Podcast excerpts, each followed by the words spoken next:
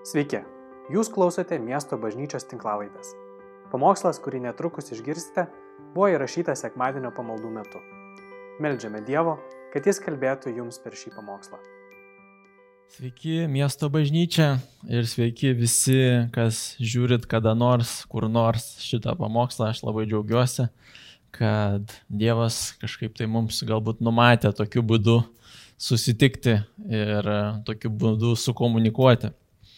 Šį rytą, arba dabar, kai rašom, yra vakaras, mūsų bendruomenė šio laikų, gal taip geriausiai pasakyti, mes pradedam naują pamokslų ciklą apie santykius. Tiksliau apie santykių atstatymą ir matot, mes turim čia tokį vaizdą visą, parinkom tokį įvaizdį lizdo. Tai yra įvaizdis šeimos, namų, o namams, kaip mes žinom, reikia atstatytų sveikų santykių. Ir nežinau kaip jūs, bet aš nuolat esu gundomas santykius pastatyti kažkur tai į, į antrą vietą, į trečią vietą ir pradžiai prieš santykius kažkaip pasi, ar tai patirti kažką tai faino, ypatingai kai buvau jaunesnis, tai kažkaip santykiai su, su tėvais man iš viso buvo kažkur tai toks dalykas, apie kurį aš nelabai galvoju, priimdavo kaip, kaip duotybę. Man svarbiausia buvo kažką patirti, kažkur nuvažiuoti, turėti, galbūt santykiai su draugais buvo svarbiau. Šiuo metu man pagunda yra mokslai, darbas, pastatyti tai pirmoje vietoje prieš šeimą. Bet tiesa yra tokia, kad Dievas sukūrė mūsų visatą kitaip. Ir man labai įdomu, kaip aš jums, tai kaip aš pagrysiu savo, savo, savo argumentą. Tai yra Augustino, Švento Augustino argumentų, jis buvo vienas iš žymiausių tokių krikščionių ketvirtojo amžiaus ir per visą bažnyčios istoriją. Jis uh, pasakoja apie tai, kad apie trejybę ir kai išgirstam trejybę, galbūt jums iškart jau pradeda skaudėti gal, galvą, bet uh, aš pažadu, kad čia bus labai paprastas palyginimas. Jis sako, žiūrėkit, jeigu Dievas, kodėl svarbu, kad Dievas būtų trejybė? Kartais mes galvojam, čia tokia kažkokia tiesa, kuri, nu, kažkur tai ne, niekaip nepritaikoma prie mūsų gyvenimo, bet čia labai va, svarbus būdas, kaip jį pritaikoma. Pavyzdžiui, jeigu Dievas būtų vienas ir jis tada sukurtų mūsų visatą, sukūrė pasaulį, tada gaunasi, kad kūrimas, jėga, pasiekimas yra pats pirmiausias dalykas, pats svarbiausias. Bet kadangi Dievas buvo trys - tėvas, sunus ir šventoji dvasia, prieš bet ką kurdamas jis buvo tobulam santykėje, jis buvo meilėje.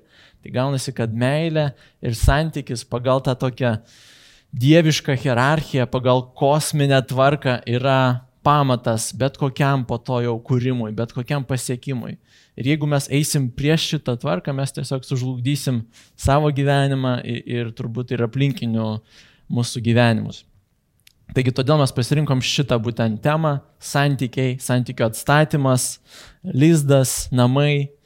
Ir žiūrėsim šiandien į vieną žymiausių palyginimų Jėzaus apie taip vadinamas sunus palaidūnas. Bet kaip daugelis pastebėjo, iš tikrųjų čia nėra pagrindinis veikėjas tas sunus palaidumas ir palaidūnas ir teisingiau būtų pavadinti tą palyginimą, palyginimą apie apie, apie Dievą arba ar, apie du sūnus, nes e, sūnus palaidonas yra tik vienas iš veikėjų, yra dar du labai svarbus ir svarbesni netgi veikėjai, tai yra Dievas ir vyresnis sūnus.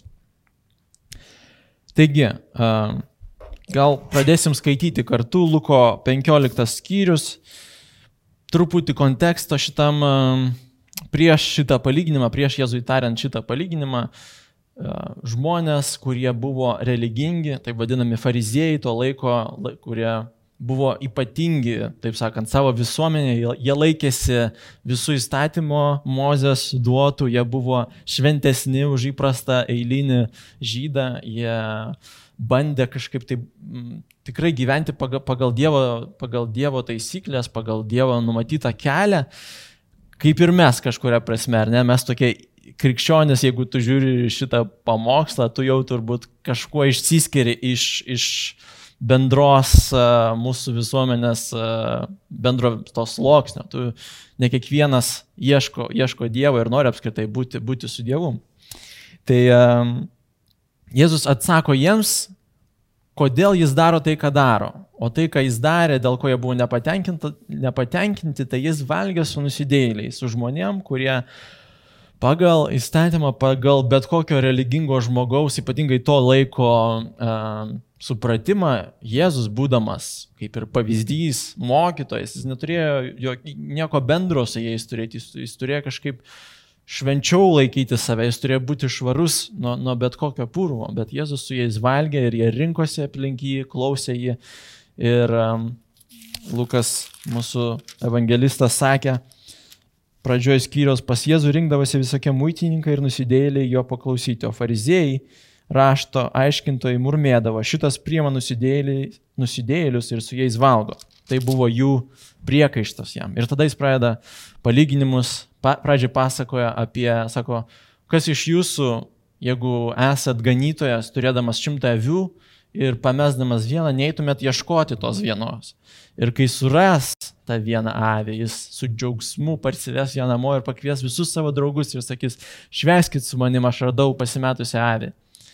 E, arba sako, duoda tokį moters palyginimą, jeigu pameta moteris savo iš dešimties monetų vieną arba drachmą, kaip čia parašyta, ar nepradės ieškoti, kol nesuras ir kai suras, pasakys savo draugiam, ateikit pasidžiaugit su manim, nes aš radau savo drachmą. Ir tada pasakoja trečią čia palyginimą, ilgiausią, sako, jis kalbėjo toliau, vienas žmogus turėjo du sūnus. Kartą jaunesnysis tarė tėvui, Tėve atiduok man priklausančią palikimo dalį. Tėvas padalijo sunums turtą, netrukus jaunelis susijėmė savo dalį, iškeliavo į tolimą šalį. Ten palaidai gyvendamas išeikvojo savo lobį. Kas čia vyksta? Trumpai sustokim, mes taip eisim per šitą palyginimą ir karts nuo karto sustosim pažiūrėti giliau, kas, kas, kas čia įvyko. Uh, jis sako, atiduok man priklausančią dalį, tai yra tas pats, kas pasakyti tėvę, aš negaliu sulaukti to laiko, kai tu numirsi ir man atiteks mano, mano, man priklausančia dalis tavo palikimo, aš noriu, kad tu man dabar jį atiduotum. Ir, sako, netrukus jis susijėmė savo dalį. Kaip jis galėjo susimti savo dalį? E, nes jo palikimo dalis, turbūt pagrindinė palikimo dalis buvo žemė. E, tuo laiku žemė buvo viskas. Ir e, jis, sako, susijėmė savo, savo dalį. Tai Pasigilinus mes suprantam, kad jis pardavė tą žemę, iškentė į pinigus savo iš kartų į kartą perduodamą žemę ir iškeliauja į tolimą šalį. Tai jis visų pirma pažemina tėvą ir įskaudina jo širdį, pasakydamas, kad tėve, man svarbu, svarbiau nei būti tavo šeimoje yra turėti tavo dalykus. Uh, santykis su tavimi man yra nesvarbus, aš noriu, aš noriu tavo turto. O antras dalykas, jis parduoda tą tėvui brangę iš kartos ir į kartą perduodama žemę ir iškeliauja. Ir dar toliau jis sako, uh, išeikvojo savo lobį, gyvendamas palaidai. Visiškai ta iš, žemė, kuri perduodama vėlgi iš karto į kartą, iš karto į kartą jis tiesiog išleidžia taip ant kažkokių nereikšmingų dalykų. Toliau skaitom, kai viską išleido, toje šalyje kilo baisus badas ir jis pradėjo stokoti. Tada nuėjo pas vieną šalies gyventoją ir stojo jam tarnauti. Tasai jį pasiuntė į laukus keulį ganyti. Jis geidė prisikimšti pilvą bent anksčiau jovalo, kuri ėdė keulės, tačiau ne to jam neduodavo. Vėlgi, pažiūrėkim giliau, kas čia vyksta. Kyla badas, jam pinigų nebėra, ką daryti, jis eina, stoja tarnauti vienam iš tų šalies gyventojų. Tai mes suprantam, kad jis yra pagonis, ta šalis yra ne Izraelis, jis susidėjo su pagonim ir e, tas žmogus jį siunčia ganyti keulės. Mišnoj, e, kuris yra, kur yra Toros paaiškinimas, penkiaknygės žydams, toks papildomas rabinų paaiškinimas, yra to, jau tada buvo pasakyta, prakeiktas yra žmogus, kuris leidžia savo sūnui ganyti keulės arba mokytis graikų filosofijos. Jiem tai buvo vienam lygiai. Graikų filosofija mums e, dabar neaktuali, bet uh, mes matom, kad keulių ganyti, kas buvo su keuliam apskritai buvo neleidžiama kažkaip prisiliesti, tai buvo nešvarus gyvūnai pagal įstatymą. Tai mes suprantam, kad jis nusirito iki, iki pat nuo, nuo to žydiško standarto iki pat gilumos, toliau negalima. Ir dar kas yra svarbiau, kad jis savo priklausomybę, tas vad stojo tarnauti, yra žodis, kuris yra naudojamas labai artimam santykiui apibūdinti. Tas žodis apibūdina santykių tarp žmogaus ir Dievo kitose vietose Biblijai, tarp vyro ir žmonos. Tai mes matom, kad jis santykių su tėvu, artimą santykių su tėvu iškeičia į santykių su žmogum, kuris jį taip pat, taip elgesi su juo, kad net neduoda jam pavalgyti už tą darbą, kurį, kurį jis daro. Taigi visiškai kažkoks vos ne toks aptemusio proto įvaizdis, ar ne, kaip galima pakeisti kažką tai savo, savo statusą kaip sunaus į va tokią poziciją. Ir tada uh, ateina pokytis. Tada susimastė, kitas uh, vertimas sako, susiprotėjo ir tarė, kiek mano tėvo samdinių apščiai turi duonos, o aš čia mirštu iš bado. Kelsiuos, eisiu pas tėvą ir sakysiu, tėvė nusidėjau dangui ir tau nesu vertas vadintis tavo sunumi, priimk mane bent samdiniu. Jis pasiryžo ir iškeliavo pas tėvą. Vėlgi, tas žodis susimastė, susiprotėjo yra iš esmės reiškia atgailą, jis pakeitė savo mąstymą ir netgi mes matom, kad tai neliko tik proto lygmenį, bet jis veiksmais tai tą mąstymą savo taip ir patvirtino ir pradėjo kelionę atgal pas tėvą. Dabar ateina antra dalis mūsų palyginimo, tai yra dalis apie tėvą. Tėvas pažino jį iš tolo, labai susigaudino, pribėgo prie jo, puolė ant kaklo ir pabučiavo. O sunus prabilo, tėve, nusidėjau dangų ir tau, nebesu vertas vadintis tavo sunumi. Bet tėvas įsakė tarnams, kuo greičiau atneškite geriausią drabužį ir apvilkite jį, užmaukite jam ant piršto žiedą, apaukite kojas, atveskite nupenėtą veršį ir papjaukite puotaukime, linksminkimės. Juk šis mano sunus buvo myręs ir vėl atgyjo, buvo pražuvęs ir atsirado. Ir jie pradėjo linksmintis. Nežinau, kaip tu reaguotum, jeigu kažkas, kas tave įžeidė, kas nusidėjo prieš tave, kas tave paniekino, taip uh, nuspręstų grįžti, nuspręstų atstatyti santykį. Aš žinau, kad mes, kai su žmona susipykstam ir jinai tais atvejais, kai ateina pasakyti atsiprašau, aš dažnai taip sakau, už ką? Nes tiesiog jinai sako atsiprašau, tas ateimas atgal vyksta, aš jau matau, jeigu būčiau kaip tėvas, sakyčiau, nesvarbu, už ką tu atsiprašai, svarbu, kad tu nori atstatyti santyki, aš tave apkabinu, aš tave pabučiuoju, aš sakau, už ką tu atsiprašai? Ar, ar, ar už tą dalyką, kuris mane įžeidė, ar, ar už kažką kitko galbūt aš turiu žinoti, kad padarai teisingą tą statymą į, į teisingą vietą, kaip sakant, už, už teisingą žaizdą sumoki. Tėvui mes matom, kad tai buvo nesvarbu. Jis e, pertraukia tą monologą sunaus, kurį sugalvoja, mes matom prieš tai, ką jis pasakys tėvui, nesuvertas vadinti sunumi, priimk mane samdiniu. Tėvui nesvarbu, ką jis ten sugalvojęs yra, jis jau yra prieš tai turėjęs visą tą laiką atvirą širdį, laukiančią širdį. Kartais, kai pas mane vėlgi su žmona ateina tas momentas, kai mes tvarkomės santykius ir jinai atsiprašo, aš sakau, nu gerai, atleidžiu, bet viduj po to vis tiek jaučiu kažkokį tai, nu, sunkumą dar širdį visai elgtis, va taip su atvirom rankom priimti. Bet tėvas mes matom, kad visiškai neturi jokios nieko širdį savo likusio. Jis sako, aš pamirštu tavo nuodėmės, aš tave, tie drabužiai, kuriuos jis jam dovanoja, yra santykio atstatymas, gražinimas į šeimą. Sunus šitas galvoja, kad jis bus samdiniu. Samdinys, čia kalbamas apie ta, tokį samdinį, ne tas netgi, kuris gyvena kartu su šeimininku ir uh, nu, nuolat su juo būna, bet toks, kuris ateina dieną, padirba ir iš, išeina kažkur tai atgal ten į miestelį gyventi, jis galvoja, kad jis galbūt atitarnaus tėvui tą padarytą žalą. Jis, tėve, aš tau atmokėsiu viską, ką aš uh, sugadinau. Bet tėvas sako, ne, ne, ne, tu esi šeima, tu gražinamas, tu esi mano sunus, štai tavo drabužiai sunaus, batai vėlgi yra laisvo žmogaus, o ne vergo toks ženklas.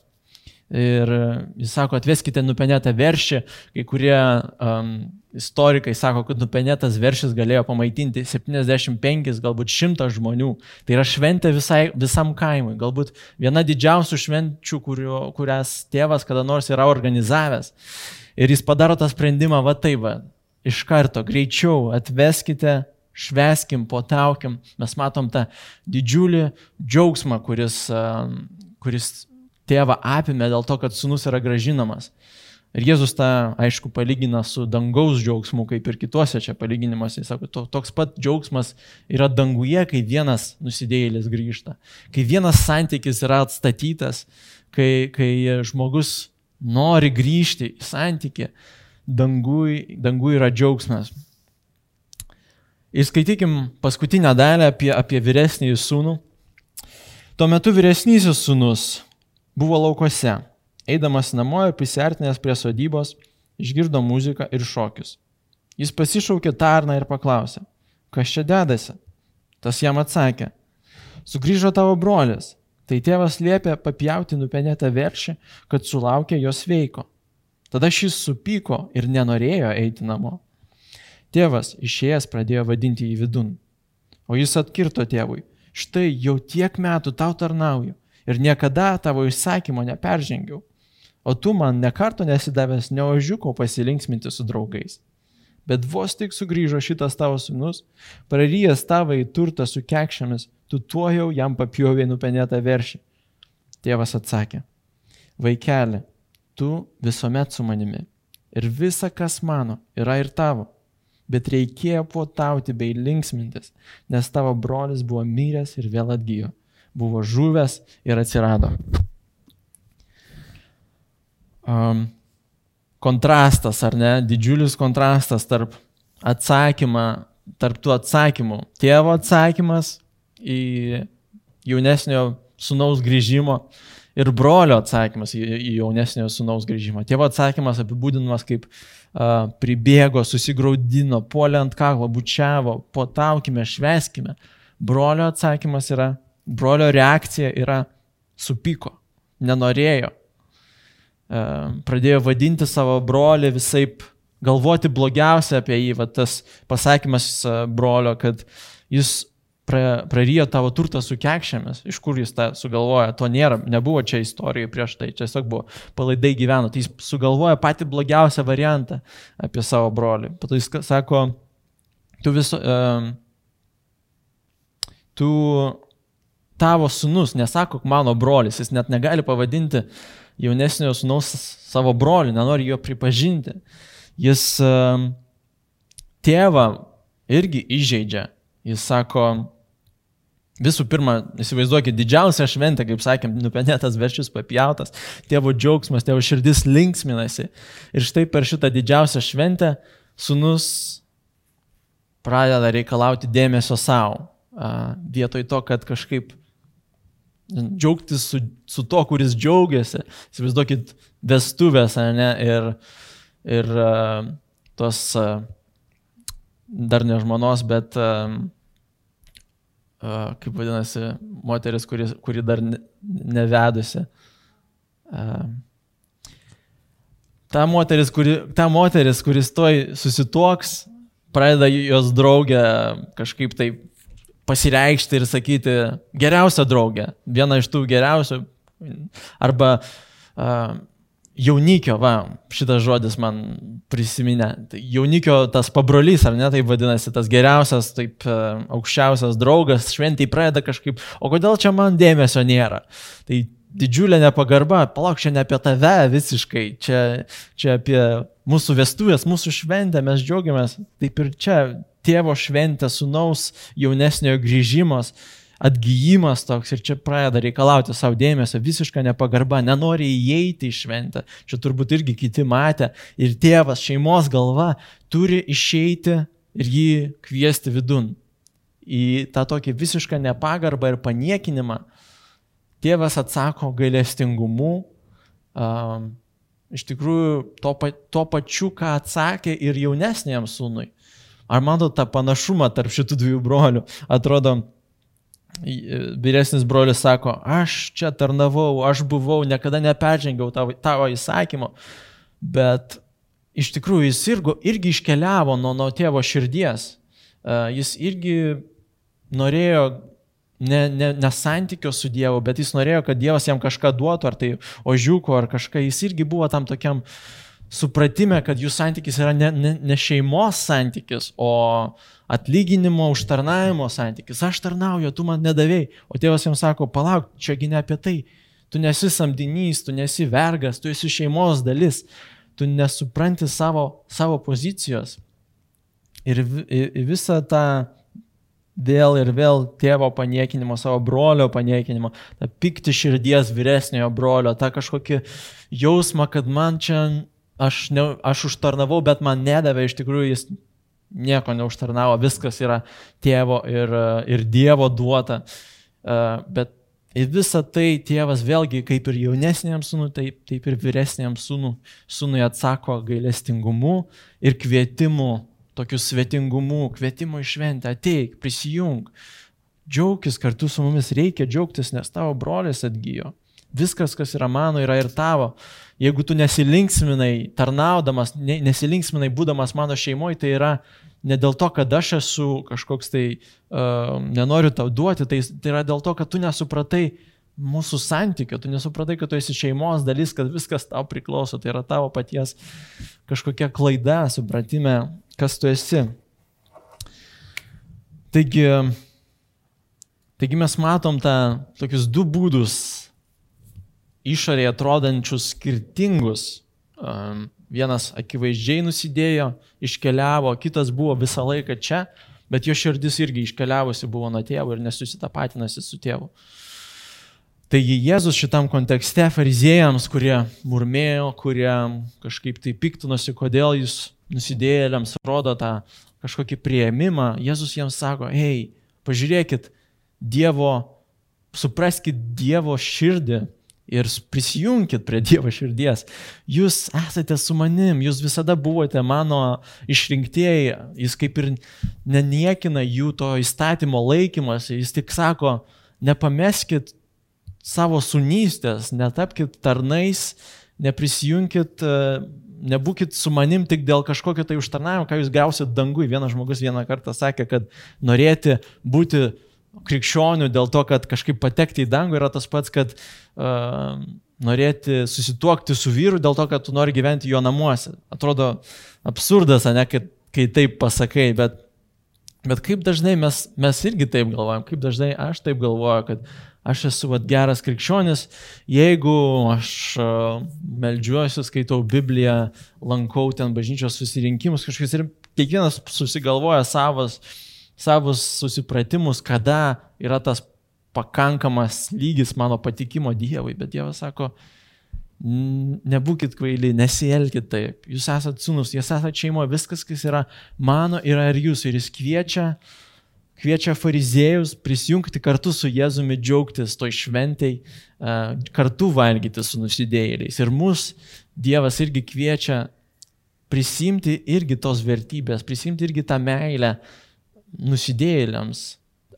Nusidėliai tai taip yra garsiai pasakyta, bet jeigu labai supaprastinti, tai yra kas nusidėjo prieš tave, kas įžeidė tave, kas nežinau, pasiskolino ir negražino, kas tau pasakė kažkokį žodį, tai gali būti sutoktinis, tai gali būti vaikai, draugai, kažkokie bažnyčiai žmonės.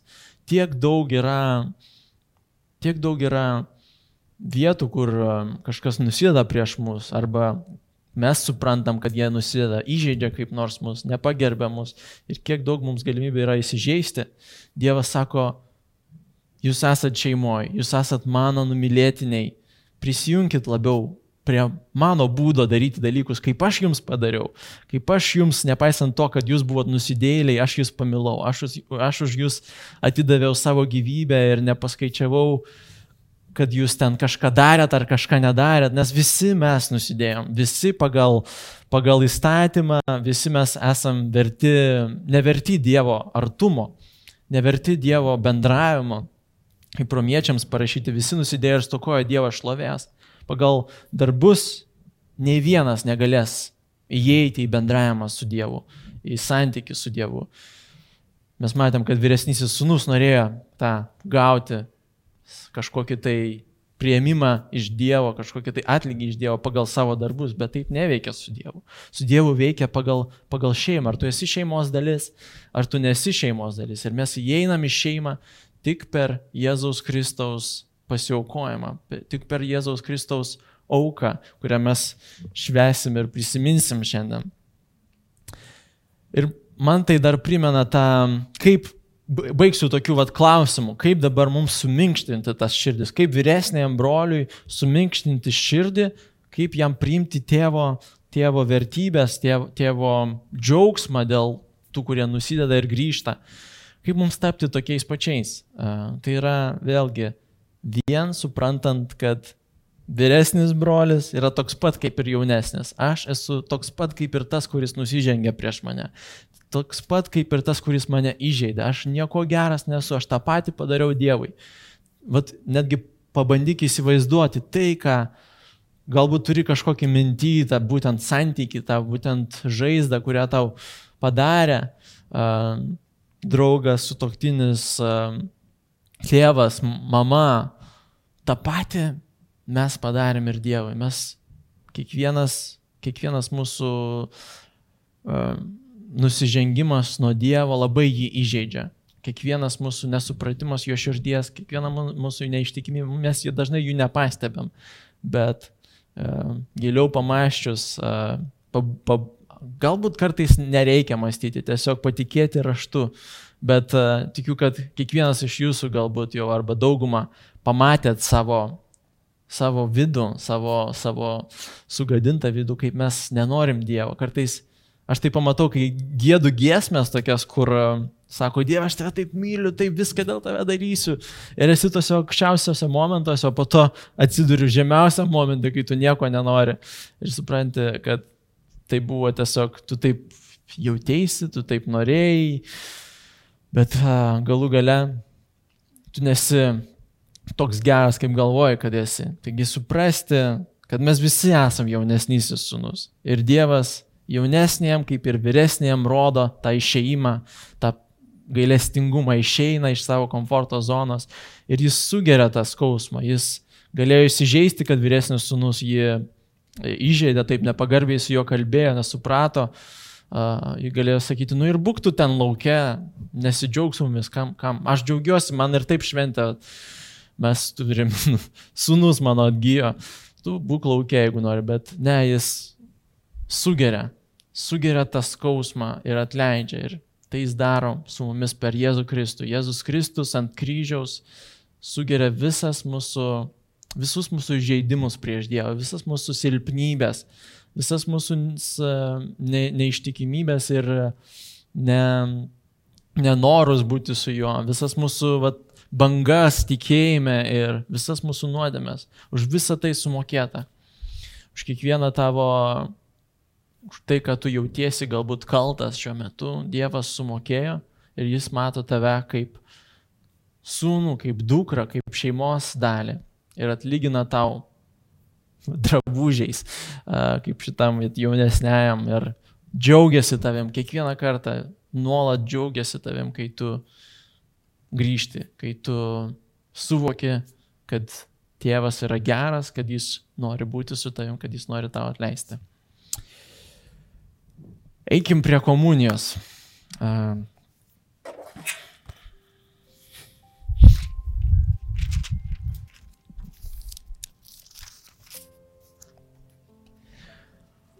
Komunija man labiausiai yra suprantama tokiu būdu.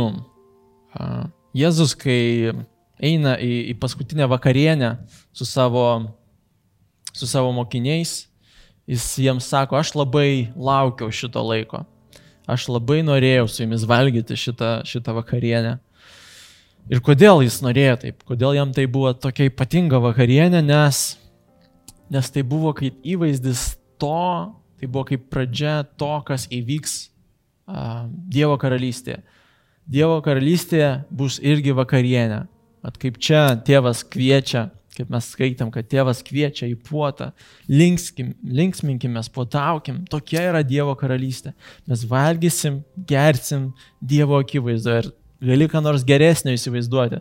Mano geriausi patyrimai yra, kai mes turim, jie yra reti, bet tai yra tikrai geriausi patyrimai, kai mes sėdim su draugais prie gero maisto, prie gero stalo, juokiamės, kalbam kažkokiam tai giliom temom galbūt, išklausom vienas kitą. Tai, tai yra tik šešėlis to, kas bus danguje. Mes sėdėsim su Dievu prie vieno stalo, busim viena šeima, priimti visiškai Dievu.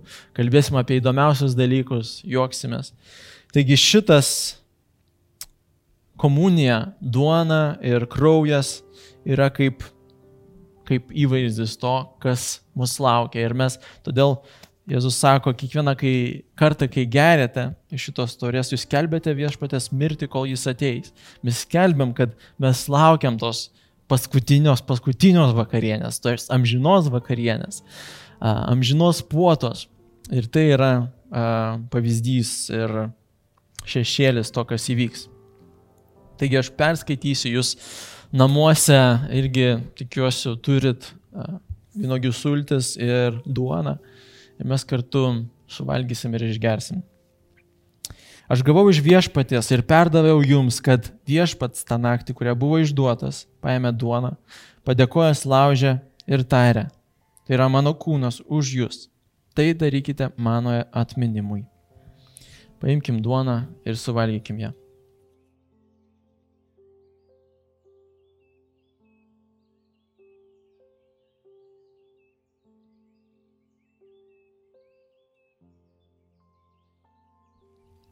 Taip pat po vakarienės jis paėmė taurę ir tarė, ši taurė yra naujoji sandora mano kraujyje. Kiek kartų gersite, darykite tai mano atminimui. Taigi, kada tik valgote šitą duoną ir gerite iš šitos taurės, jūs skelbėte viešpatės mirti, kol jis ateis. Galim paimti taurę ir išgerti.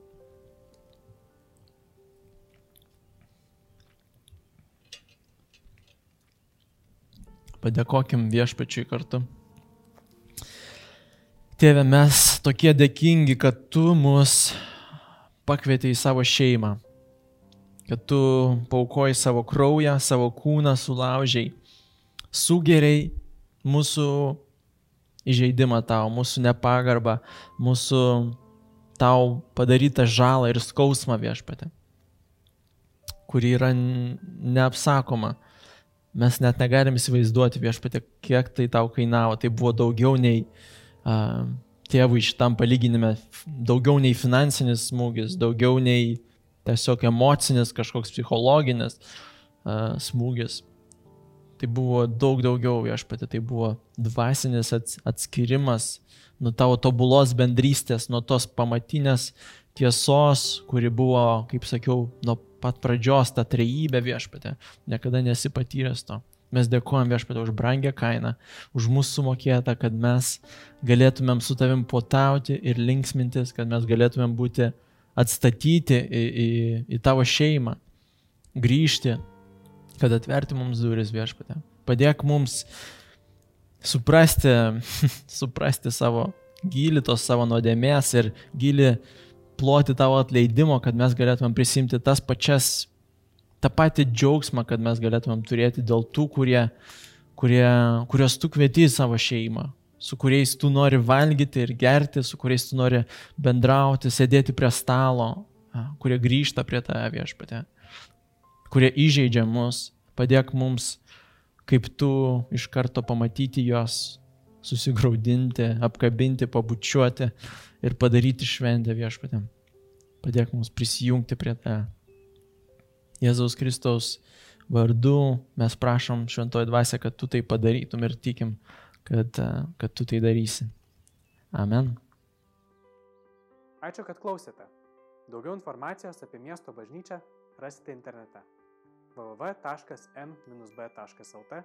arba Facebook, Instagram bei YouTube paskiruose.